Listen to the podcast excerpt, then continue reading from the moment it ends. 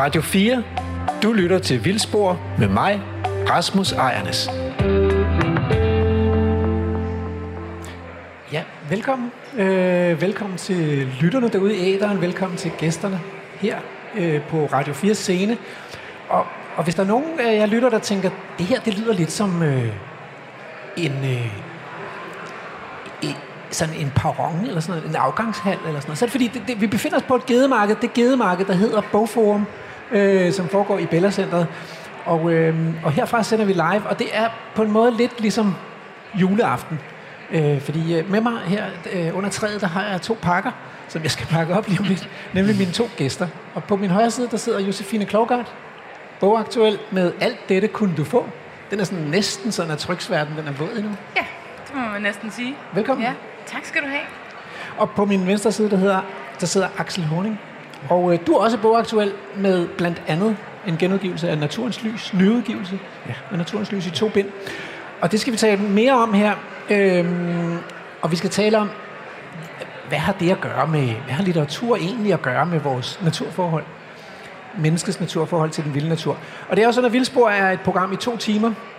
Så i anden time, der kommer jeg ud med, øh, med Emil, vores øh, feltreporter, som er taget ud i Marcelisborg skov for at finde ud af, om der overhovedet er nogen danskere ude i naturen i dag, i, i, i 2021, sådan en kedelig novemberdag. Øh, og så, om man kan komme til at snakke med dem. Men først så skal vi i gang, og øh, jeg vil gerne starte med dig, Axel. Ja. Øh, jeg vil gerne starte sådan helt fra begyndelsen, fordi på forsiden her, det er jo to bind, Naturens Lys 1 og 2. Der står Naturens Lys, og når man er biolog som jeg, så tænker man, øh, det må være solen. Så er det her simpelthen to bøger om solen? Øh, både og. Uh, for at sige det sådan praktisk kort. Uh, Naturens Lys, det er en bog, altså den har jo sådan set en undertitel, der hedder Kosmologi, Filosofi og Kosmologi i middelalderen og renaissancen. Det står på bagsiden. Det står på bagsiden. Så man er lidt hjulpet her. Ja. ja. Og det korte hvad skal sige, svar, det er jo, at naturens lys som begreb, og som så er blevet titlen på bogen, det er i virkeligheden en, øh, en grundtanke i europæisk øh, filosofi og videnskab, videnskabshistorie. Men det stammer fra perioden før øh, år 1600, eller 1650. Det er jo den periode i 1600-tallet, vi plejer at kalde øh, det naturvidenskabelige gennembrud.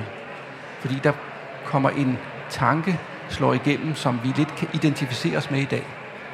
Videnskab, som vi forstår det. Mm. Øhm, og bogen undersøger, hvad var det egentlig for forestillinger om natur, der gik forud for den periode. Og i den periode, der har man begrebet naturens lys, både på hovedsprogene og på latin og på tysk og, og så videre. Så, så det er egentlig en, en titel, der eksisterer lidt i forvejen. Ja, vi, vi tager lige en test her på publikum. Hvor mange af jer har hørt om naturens lys? Kan vi få et par hænder? der var en. Det, så, så øh, det bliver vi nødt til at, grave lidt i det her. Ved man, hvem der har opfundet begrebet? Ja, men lad os lige, lad os lige allerførst så tage det, du spurgte om først. Ja. Fordi øh, umiddelbart tænker man jo naturens lys. Så tænker man, når vi er almindeligt tale jo, det er jo ikke noget at sige til. Du tænker på solen. Ja. Fordi solen er vores primære lyskilde. Så selvfølgelig tænker man på det synlige lys, mm-hmm. som i døgnets løb jo har de mest forunderlige øh, fremtrædelsesformer. Mm-hmm. Det kan vi jo se i naturbilleder. Mm-hmm. Når solen står op, og når solen går ned, det er ligesom, det fotograferer vi bare. Det, det er ligesom noget, vi forholder os til. Men når det kommer til stykket, øh, hvis vi sådan skal gå lige en smule ind i selve tankegangen her, så betegner naturens lys egentlig ikke det synlige lys. Det synlige lys, jo, det kender vi, det har vi noget af naturligt lys. Men naturens lys, det er faktisk et andet udtryk. Hvis man skal være lidt nørdet i grammatik, så er det naturens eget lys. Det er faktisk det, man kalder genitiv eller ejefald. Mm-hmm. Så det er ikke kun et adjektiv, man kan mhm. sætte naturligt på alting. Og så kan man sige et lys, som der er naturligt lys. Så naturens lys, som, som grundtanke i den her periode, er noget andet end det synlige lys. Men når man alligevel har noget med solen at gøre, så er det fordi, det dybest set handler om en forestilling om, at lyset øh, befinder sig i naturen selv, og skinner, så at sige, strukturerer og skinner gennem naturen. Så egentlig er det et lys, der kommer, så at sige, indefra. Så, så de grundtanker, at naturens lys, det er egentlig en forestilling om, at der er en eller anden form for struktur eller organiserende princip i det, vi kalder naturvirkelighed. Og det optog jo folk rigtig meget førhen. Det gør det for så vidt stadigvæk. Så naturens lys er lidt forskelligt fra naturligt lys. Og, og den der udforskning af, at, at de der tanker, der så udvikler sig i middelalderen og frem til renaissancen, det kan godt lyde meget tørt og noget med mange årstal, men, men, øh, men i virkeligheden så er der sådan et touch af skønlitteratur, fordi du jo også maler billeder frem af nogle mennesker, der levede dengang, så man kan mærke dem, som om de Ja. var her i dag. Ja. Og du har lovet mig, at du først godt vil læse lidt op, og det, det plejer fag, altså fagbogsforfatter jo ikke at gøre, men, Nej, men øh, kunne jeg lokke dig til det? det kunne du. Øh, jeg er tit misundelig på digtere, at der får lov at, at tage ud og læse op, mm. eller forfatter. Og det er jo lidt sjovt, du siger det, fordi det er jo altså ikke så tit, at når man skriver fagbøger, at man får lov sådan at, at, at læse noget op. Øh, men bogen jo består jo af de her 6-8 kapitler, og de er jo fokuseret på nogle af de hovedpersoner i historien om naturens lys i perioden før 1650 cirka. Mm-hmm.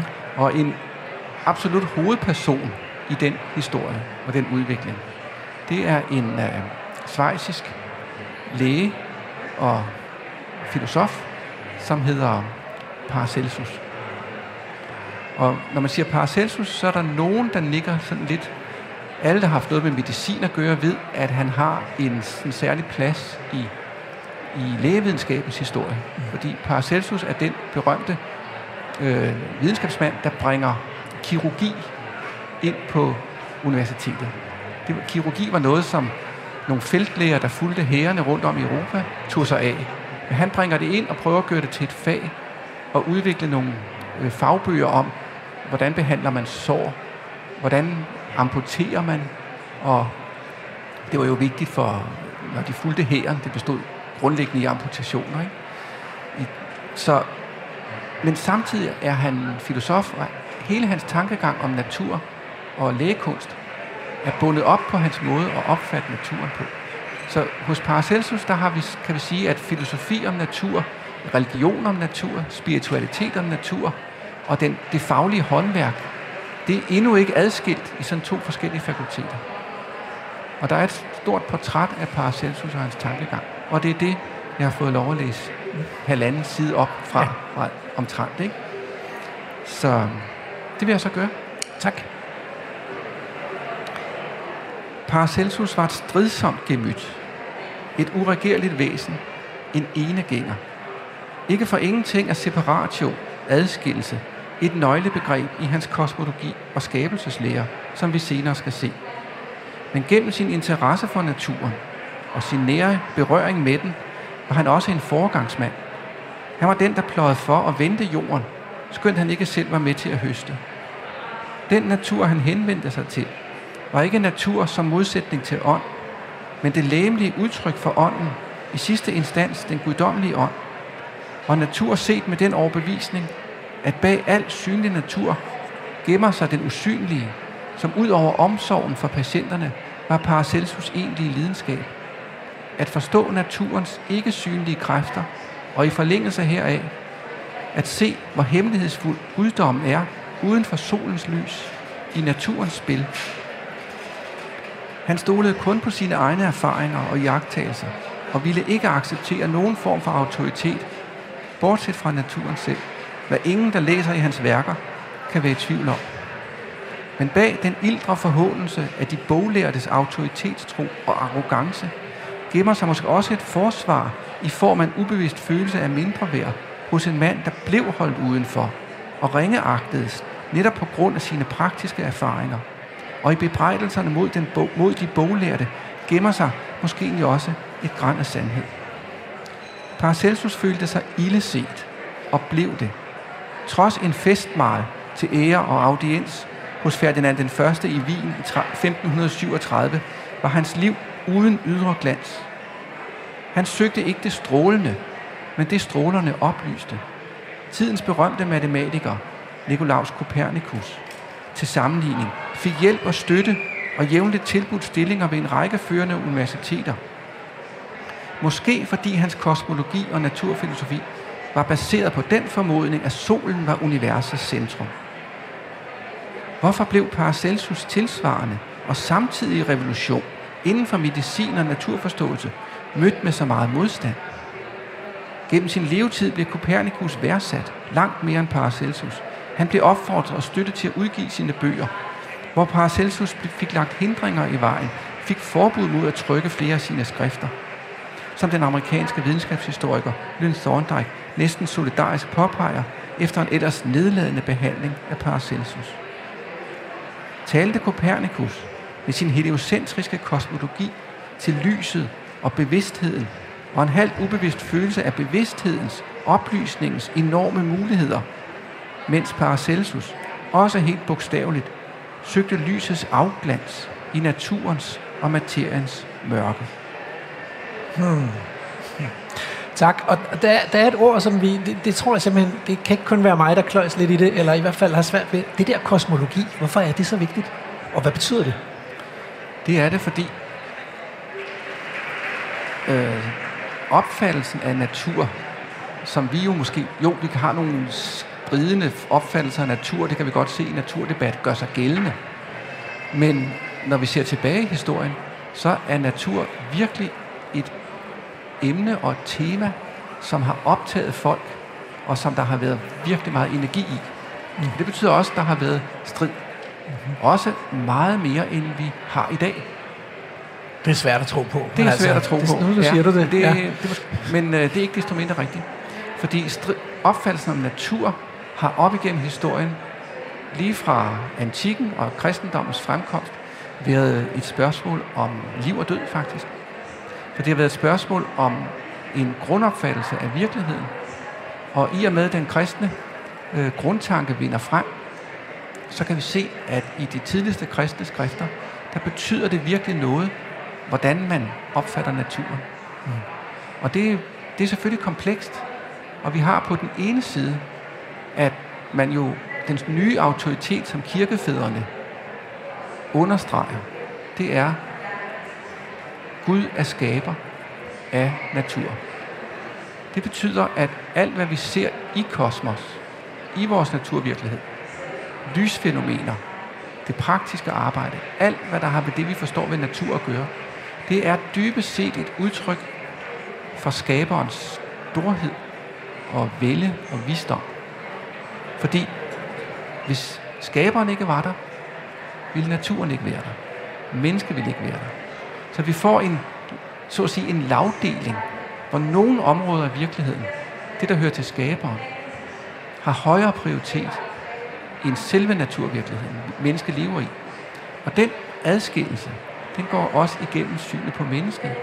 Således at ånden, hvor mennesket fik liv, Gud blæste ånd i Adams næsebor, som det hedder. Det vil sige, den døde statue, den fik liv. Men livet kom fra Gud uden for verden. Det vil sige, det der opliver verden, det er et princip uden for verden selv hos Gud. Så der er en todeling i virkeligheden Der er en todeling ja. der. Der er noget, der er finere end noget andet. Præcis. Og det har været en voldsom kamp. Ja. Og det bliver ved med at være en kamp langt op igennem historien. Ja. Det som så, ganske kort, er pointen i det, det er, at når vi studerer den her historie grundigere, som jeg har gjort med naturens lys, så kan vi se, at der var en lang række, hvad skal vi sige, anderledes opfattelser, stadigvæk inden for en religiøs kristen natursyn, men som søgte en, hvad skal vi sige, næsten dybere forståelse af den her relation.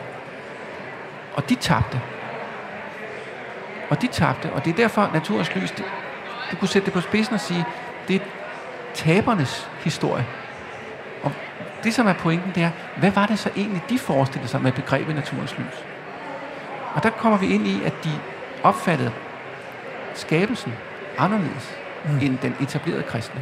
Har, har det her også betydning for, fordi når man som biolog kigger på naturen og biodiversitetens udvikling, så har det jo været sådan, at mennesker har fået det bedre og bedre generation efter generation, ja. og naturen og biodiversiteten, altså resten af, af, af verdens liv, har fået det værre og værre og blevet mere og mere ensformigt udnyttet, monotoniseret, kultiveret og sådan noget. Ja den der ringeagt for naturen, har den også været sådan en motor for teknologien og for teknologiudvikling? Altså natur, det er bare noget, man kan bruge, fordi det er jo ikke heldigt. Ja, sådan kan man egentlig godt stille det op. Øh, og det er der jo også øh, videnskabshistorikere, der gør. Det er der filosofer, der gør. Det er der teoretiske forfatterskaber. Og det er jo også en stemme i vores debat.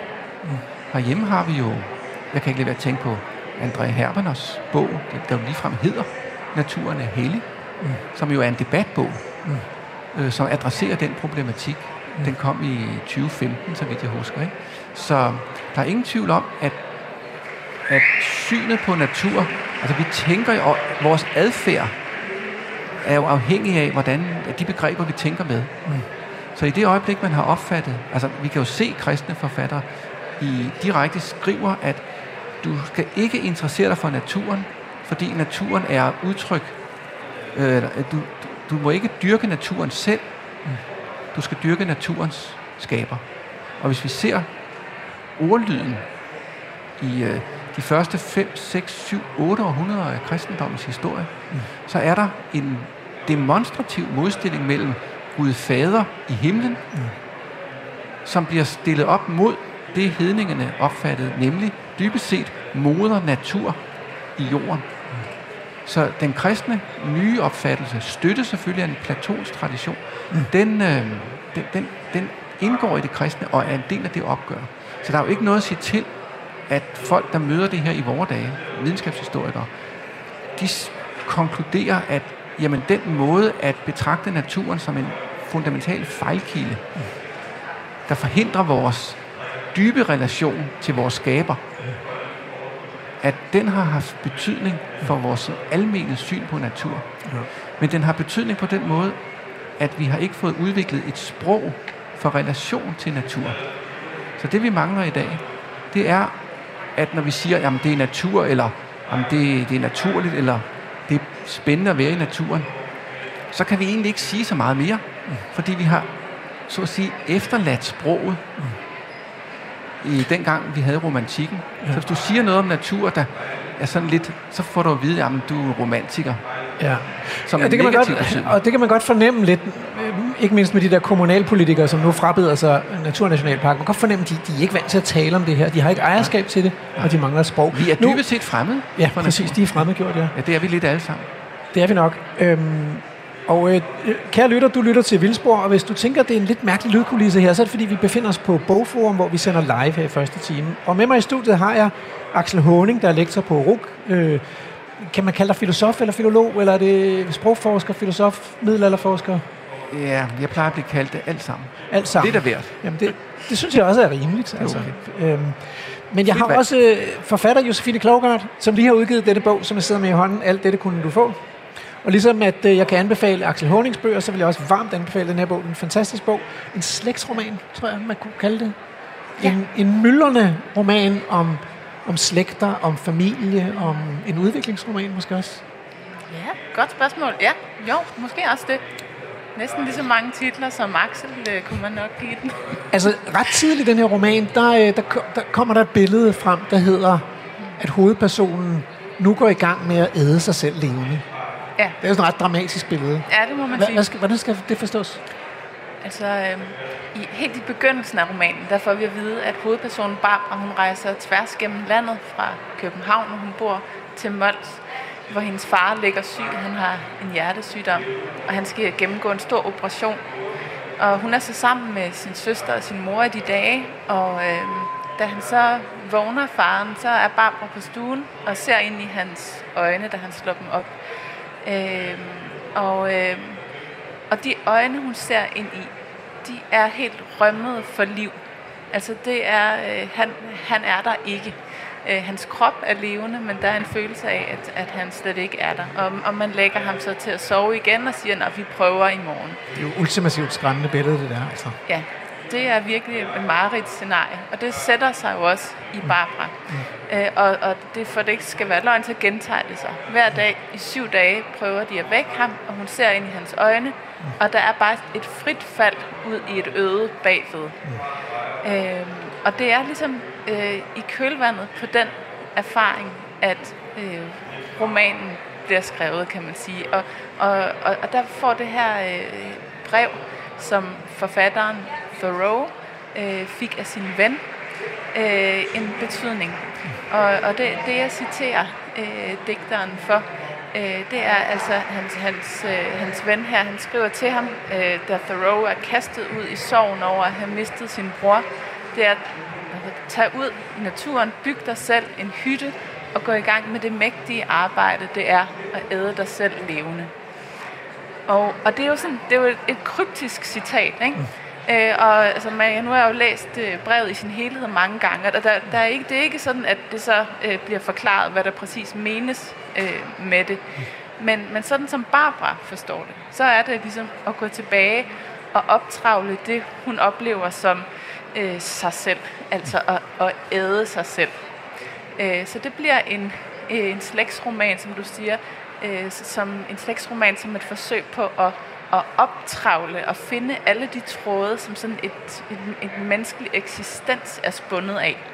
Og, og det man så opdager, det er jo så, at, at de tråde, mange af dem, hvis man begynder at følge dem, de fører jo ud i naturen, for eksempel. Så på den måde, så kan man sige, at det er en slægtsroman, men det er en slægtsroman, der så at sige opløser sig selv øh, til også at blive en filosofisk, eksistentiel roman, der handler om menneskets relation til naturen. Mm. Øh, ja. ja, der er nogle rigtig fine naturbilleder fra, fra Barbaras opvækst på Mols, og faktisk er det jo sådan, at Barbara selv søger ind på litteraturstudiet, går i gang med at skrive romaner, øh, og opdager, at hun kan, kan simpelthen ikke skrive om andet end Mols.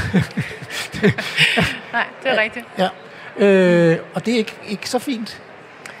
Nej, altså nu, jeg, nu lytter jeg jo til øh, snakken her med Axel. Altså, hvad hedder det? Øh, altså, der er jo øh, også i dag en, en, en altså et, et, hvad skal man sige, et mangel på sprog øh, for naturen og for menneskets erfaringer i naturen og med naturen. Ikke? Øhm, og, øh, og, og, og den her øh, kritik for at øh, være romantiker, den er jo også øh, en, Barbara øh, blev udsat, udsat for. for. Fordi det er fine at skrive om samfundet og være indigneret.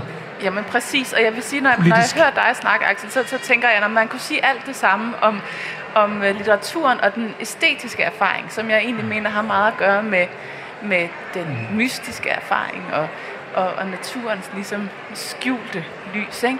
Mm. Øhm, og, øh, og jeg mener jo også, at vi fuldstændig har, har opgivet at prøve at øh, beskrive de erfaringer, vi har i det æstetiske, og altså med det æstetiske mener altså skønhedserfaringen, ikke? Mm. altså erfaringen af kunst og arkitektur, altså alle de steder, hvor, hvor mennesket faktisk, mm. øh, for mig at se, formår at skabe former, som lægger sig op af naturen. Mm. Altså for mig at se, så er kunsten et sted, hvor mennesket kan fungere ligesom som en organisme, der kan gå i forlængelse af naturen og faktisk frembringe noget, der minder om natur. Så kunsten vokser ligesom organisk frem, ikke? Øh, og er, er formskabende.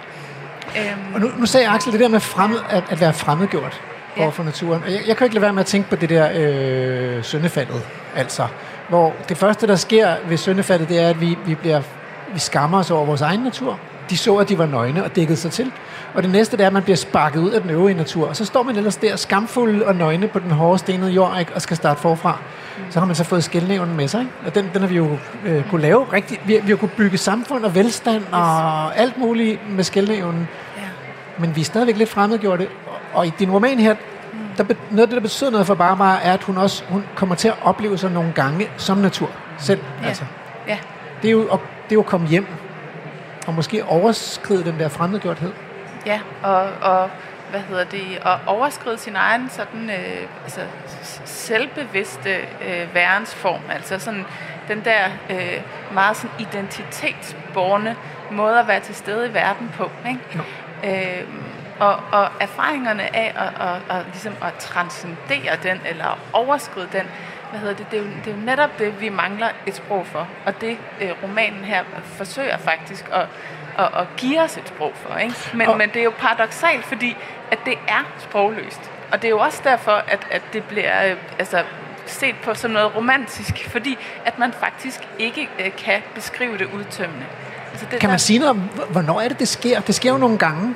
Altså den her oplevelse ja. af at være natur, eller at ja. være et med naturen. Ja. Jamen, det sker mange gange. Altså faktisk efter den her introduktion til bogens præmis og Barbaras rejse tilbage til faren og hendes sygdom, så er der en af de første scener, som handler om, at Barbara hun øh, går ud i Vesterhavet med, med sin søster. Og det er ligesom første, den første altså, det er en stærk scene, den synes jeg, vil du ikke uh, læse den op? Jo, det vil jeg gerne.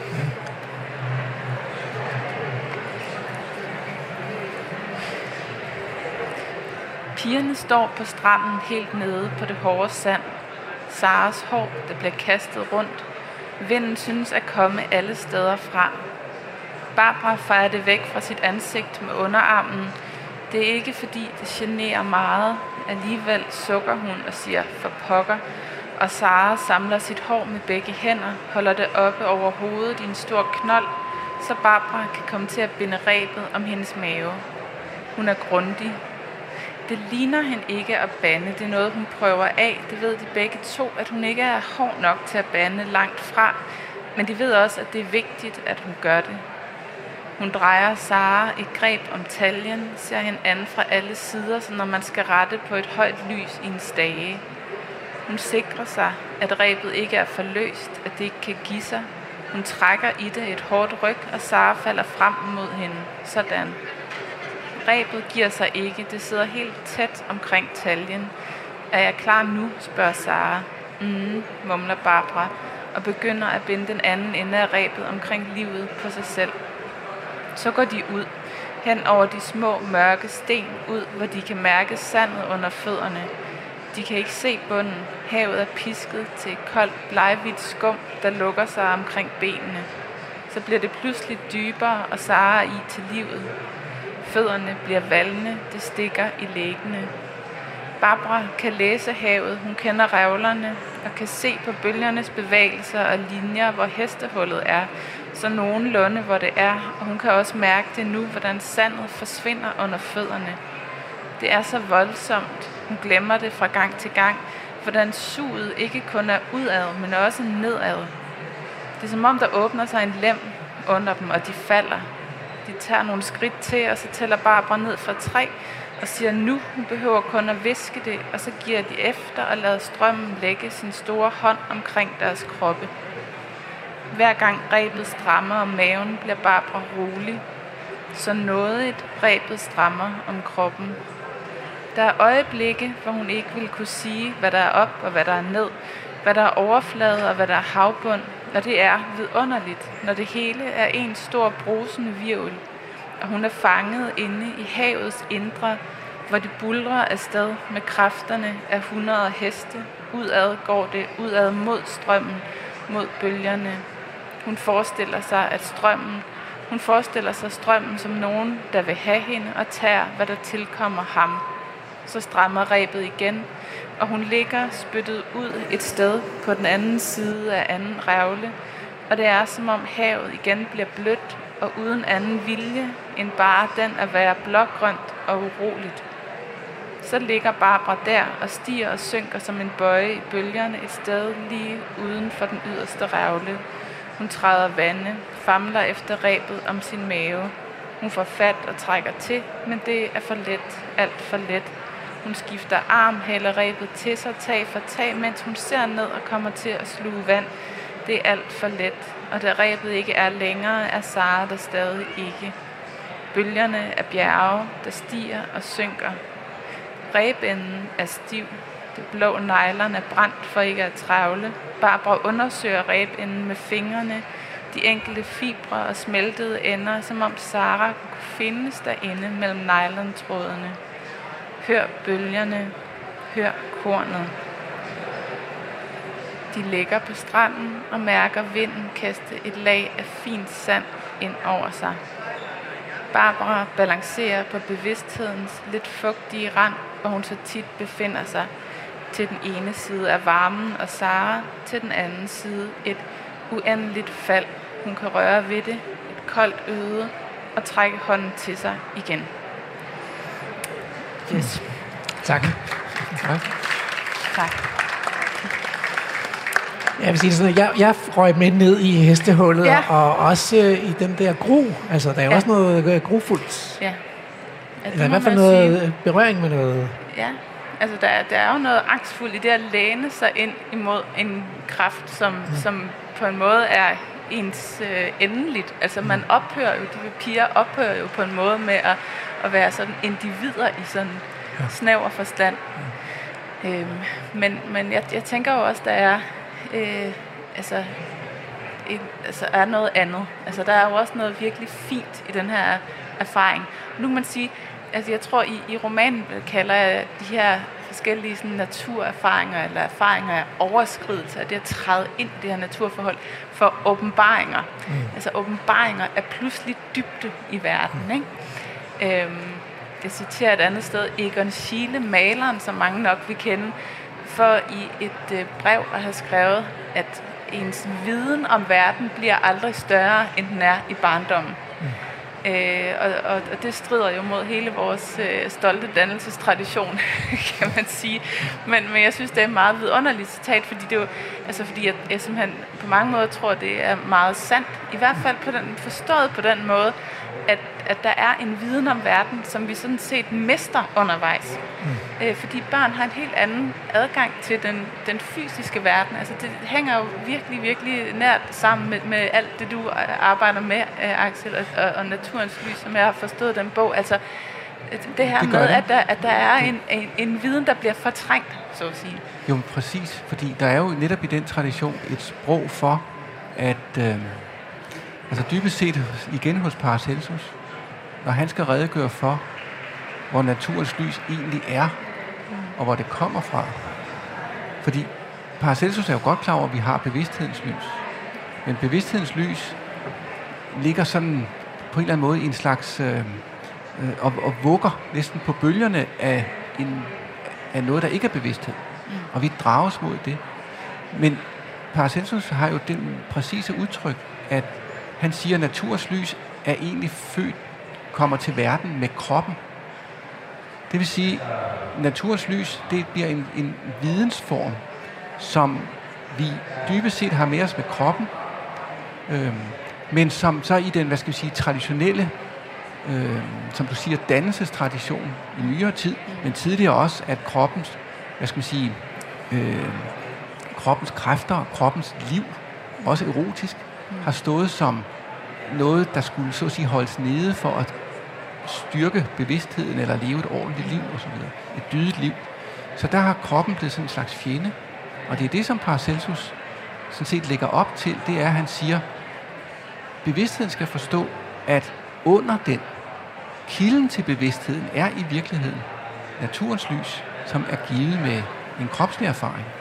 Men, Men- så på den måde, at, at svække øh, naturens lys, eller undskyld, at svække bevidsthedens lys, det kan i princippet være at øh, opdage, at mørket eller kroppen ikke er helt uden lys, men også den rummer noget, som får Men- plads. Men, men nu, skal, nu skal jeg jo have jer med tilbage til, til den danske natur og der til vores kvababelser omkring den danske natur. Fordi jeg tænker jo, mange af dem, der dyrker kroppen, altså intenst, ja. dem, de kører på mountainbike ude i naturen, og de løber lange øh, ekstremløb i, ude i naturen, og de rider på heste ude i naturen. Der har de ovenikøbet kontakt til et andet levende væsen.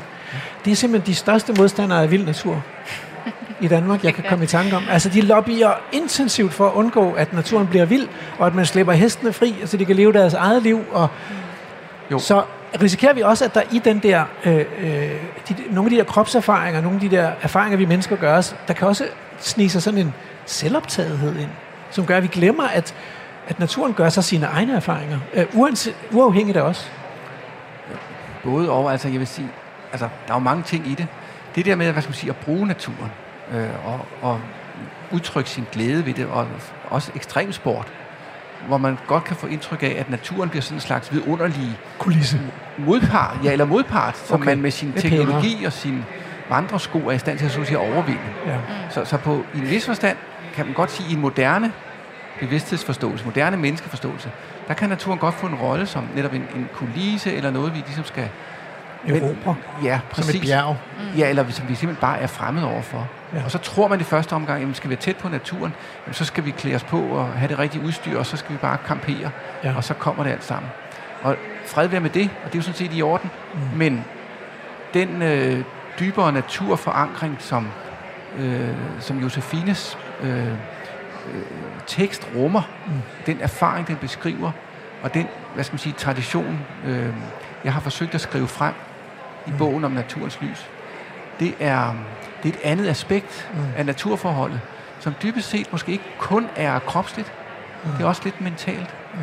Fordi den der erfaring af, at, at relationen til naturen, den, øh, at man drages af det farlige, som det er i, i romanen hos Josefine læste op, man drages af den enorme kraft, som kan egentlig gøre det af med egentlig øjeblik, det skal være, og som man egentlig er afhængig af, den drages man også af.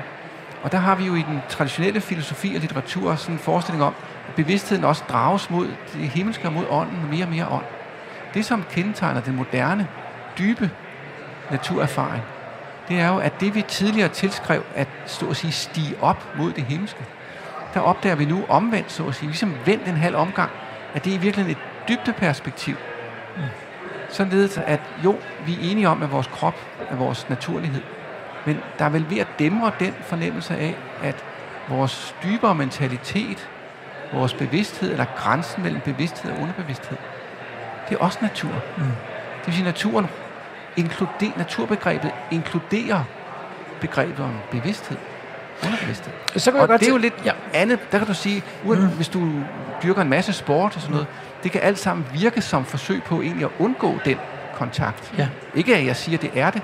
Nej. Jeg spiller selv veteranfodbold og elsker at komme ud i naturen og sådan noget. ja. så, så på den måde er det ikke. Men alligevel, det, det er et lidt andet aspekt, vi taler om her.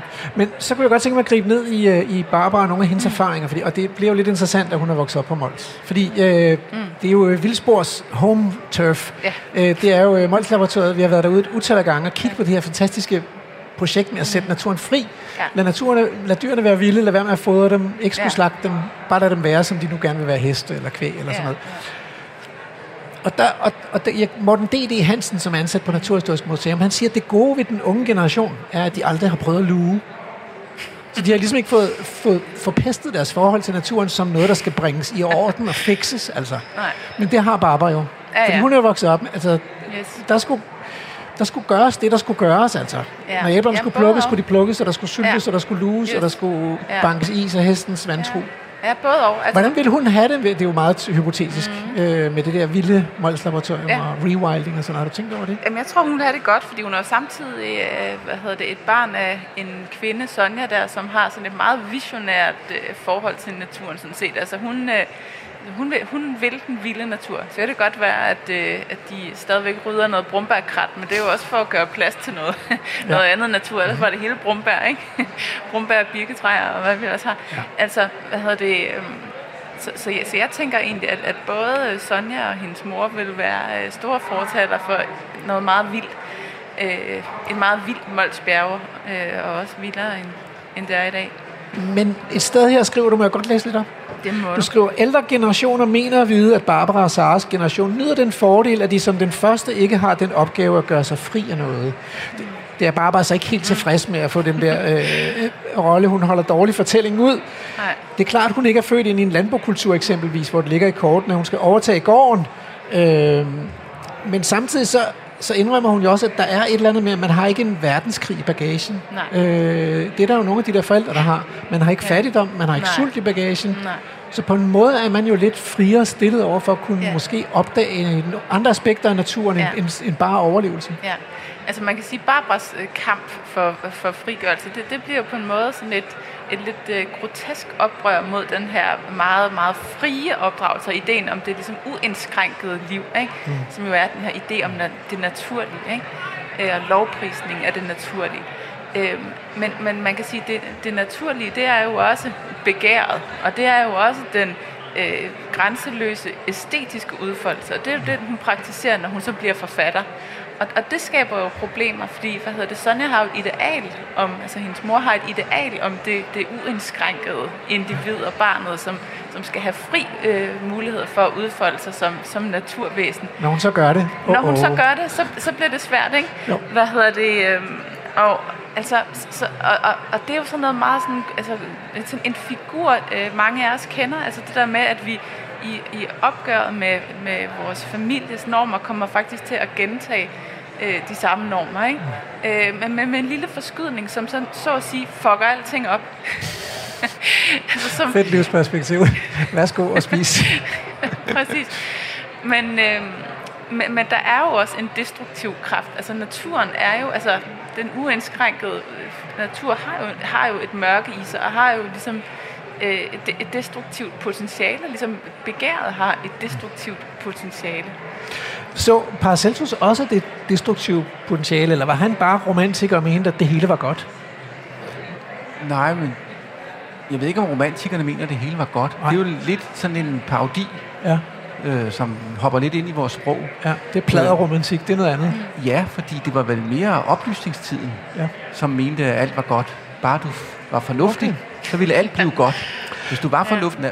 Så, Paracelsus insisterer vel på at, sige, at se det hele i virkeligheden. Præcis, fordi, ja. Ja. og det er jo også det, gælder romantikerne, dybest set. Det er jo et oprør, det er jo et ungdomsoprør mod rationaliteten. Mm-hmm. Fordi romantikerne netop så dobbelthed. Mm. Deres virkelighed var en lys side af virkeligheden, det oplyste, mm. og mørket mm. og natten. Så nat og dag ja. hører, hænger sammen i, at virkeligheden har det her dobbeltaspekt. Ja. Det er jo det, der er romantikernes. Ja. Det er derfor, det er lidt absurd, at vi siger, at det romantikerne tror, at alt er godt. Det er sådan en parodi på romantikken, mm-hmm. som opstår med det moderne gennembrud. Mm. Så romantikerne havde det her dobbeltsyn, faktisk. Hvor netop naturen er lige så... Den, den tager alt tilbage alt, hvad den giver, tager den igen, så at sige. Så mennesket hører hjemme i sådan en form for kredsløb. Men for, og, og romantikerne, de har det fra Paracelsus. Ja. Så når du spørger, om Paracelsus har det syn, ja, ja det har han. Ja. Han er romantiker, for så vidt at romantikerne genopdager Paracelsus. Ja. Men romantikken er den dobbelthed, som også Josefine øh, og, og romanen egentlig kredser lidt om. Mm. Det her dragende, øh, det destruktive, det dræbende, i en eller anden form for samspil med det skabende og det kreative. Det er ligesom i en øh, antik egyptisk for, forestilling. Solen dør faktisk og genfødes konstant. Det er ikke den samme sol, der står op. Den dør, men den bliver gendannet. Så det er en skabelse og en destruktion, der hænger sammen. Altså det, nu bliver jeg simpelthen nødt til at sige, at et af de, de steder, hvor det virkelig, virkelig er svært for os mennesker at acceptere vild natur, det er, at at når der bliver, skal fødes nye dyr ind i et økosystem, så skal der også dø dyr i den anden ende af økosystemet. Ja. Og den lidelse og den, og, og det, det, den ondskab, som, som danskere til synligheden forbinder døden med, er et, en kæmpe øh, begrænsning eller udfordring eller barriere i forhold til at få vild natur. Ikke? Fordi øh, ja. i øjeblikket, der går statsministeren og miljøministeren ud og lover, at der er aldrig nogen dyr, der kommer til at lide ude i naturen. Mm. Det, det, hvordan kan de love det? Altså, øh, der er lidelse i et hvert ja. liv, altså. Ja. Ja. Og, og der er også død i et hvert liv. Jo, det er jo rigtigt, at, at, at vi kan hurtigt få sådan nogle forestillinger om natur som, som en eller anden form for... den kunst består af, af hamster og, og søde dyr. Ja. Øh, men det er jo også lidt absurd, ikke? Fordi uanset hvor søde de dyr er, mm. så propper vi dem jo ind indtil for nylig mm. i meget små buer, ikke? Det må man sige. Altså, jeg synes, når, når vi ser alt det, vi ser i øjeblikket om, om mink, mm. altså, det krymper sig mig hver eneste gang. Jeg har selvfølgelig respekt for mm. de folk med deres livsværk, som det hedder. Mm. Men, men at se de dyr, ja. at man har... Altså, det, det er jo så gement ondt. Ja. Men de får, nok, de får nok at spise. Så vi næsten ikke forestille os det. Men vi ser det så meget, så det har vi vendet os til. Ja. Øhm, så så det, det aspekt skal vi lige passe på. Det kan godt være, at vi har en forskning om noget, at natur skal være nuttet og sådan noget. Mm. Men vi kan også se igennem mm. det mest bestialske måde at oprette og, og, og bruge dyr i, i avl og pels, eller hvad det nu skal bruges til. Ikke? Ja, eller på svineslagterier. Eller på svineslagterier på den sags Ikke? Ja. Altså, det, er det er jo så det næste store problem, det er jo, hvordan vi holder svin. Men, så, men så det, det, nu skal det, vi lige forlade øh, husdyrene, ja. vi skal tilbage til den vilde natur. Øhm, ja. og, og det jeg godt kunne tænke mig at spørge, det er, skal vi, er døden virkelig en lidelse? Fordi det kan man, når man taler med folk, ja. så, så kan man godt få den der fornemmelse, at det er bedst, hvis vi aflever dyrene. Mm. Fordi så opdager de ikke døden, så, så bliver det en mere humant, ligesom, hvis de bliver aflevet. Ja. Ja. Hvordan, hvordan skal vi tænke om, om, om døden som den ultimative krise? Er det, er det en lidelse, eller er det noget, vi skal undgå eller forsøge? Vi skal i hvert fald lade være med at ligesom, projicere vores egen øh, hvad hedder det, erfaring og altså, soverfaring osv. over i naturen. Ikke? Ja. Altså, naturen er jo sådan set ret usentimental. Ikke? Og, det må man sige. Ja. Øhm, og, og, og, og lidelsen er en del af det. Altså, jeg tænker, at vi som kultur har helt vildt svært ved øh, at noget slutter. Ja. altså, øh, altså det, det er vi dårlige til, og det, er, altså, jeg tror, det hele hænger sammen faktisk med, med, med, med, med det som grundlæggende, vi taler om her. Altså, at, at vi, vi, er, vi er dårlige til at læne os ind i noget, vi ikke forstår med vores forstand. Mm. Altså noget, vi ikke kan, kan mm. oplyse og sprogliggøre med vores intellekt. Altså alt det, det, det, der overskrider diskursen, det kan vi ikke... Mm. Det, det har vi det bare helt vildt svært med. Og så får vi også svært ved øh, død, og vi får svært ved smerte. Mm. Øh, altså nu, hvad hedder det... Så i Barbara blev også mor i bogen, og du nævner du også det her med, med, med fødsler og så videre. Altså, det, det er jo virkelig sådan et eksempel på, at, øh, øh, på et, et, en, en del af menneskelivet, som, man, som de færreste kvinder i hvert fald øh, kommer øh, udenom. Hvad hedder det? Og, og for mig at se, så er det jo meget en, en erfaring, man sådan set kun kommer igennem ved at læne sig ind mod smerten. Ikke? Mm. Altså hvis du ligesom kæmper imod de der vejer, hvad hedder det, så obstruerer du processen og inducerer en angst i din krop. Ikke? Mm. Så, så der bliver man kastet ud i, hvad hedder det, værsgo, læn dig ind mod det. Ikke? Øhm, og, og det har vi svært ved. Og hvad hedder det, og der, altså, der tror jeg ikke, at jeg er en, altså, hvad hedder det, det er, der er jeg en fin repræsentant for min generation. Altså det er vi svært ved. Vi er meget optaget af at kunne kontrollere alting. Ikke? Øh, men med min egen erfaring, som jeg også har ladt Barbara øh, have i bogen, det er jo, at det faktisk øh, godt kan lade sig gøre, selv for et øh, meget kontrolleret, moderne, selvbevidst individ. Vi er stadig natur. Hvis vi, vi er nemlig altså, stadig natur, og ja, det skal man jo, det skal man jo, det skal man opdage, det skal og det man, opdager man, ja. altså, hvad hedder det, når man for eksempel læner sig ind i smerte, at så, er der, så kan der være et gennembrud ind til noget andet. Altså, så er der ligesom i den der, hvad hedder, så der er en befrielse i at, at, at opløses som menneske. Der er også en angst forbundet med det, ikke? At opløse det der selv, altså, som er vi det... kender så godt. Men der er også noget andet. Er det vejen til at opdage det der naturens lys, at man tør overgive sig til naturen? Altså, jeg tror, det er nogle nøgleord, som ja. klinger. Ja. Øh, nu er det jo en erfaring, jeg ikke kan dele med, med øh, kvinder. Men, ja, fødslen der. Ja, ja, men sprogbrugen omkring det, øh, og, og hvad skal man sige, de bærende mm. erfaringer i det, dem kan man sagtens spejle mm. i de ting, jeg, jeg har haft med at gøre. Mm. Så ja, det er, at der også vokser et nyt øh, menneskesyn ud af et nyt natursyn. Mm. Og natursyn og menneskesyn er meget dybere forbundet, end vi tror. Mm. Altså, og det betyder også, at vi som mennesker er meget dybere forbundet. Mm. Øhm.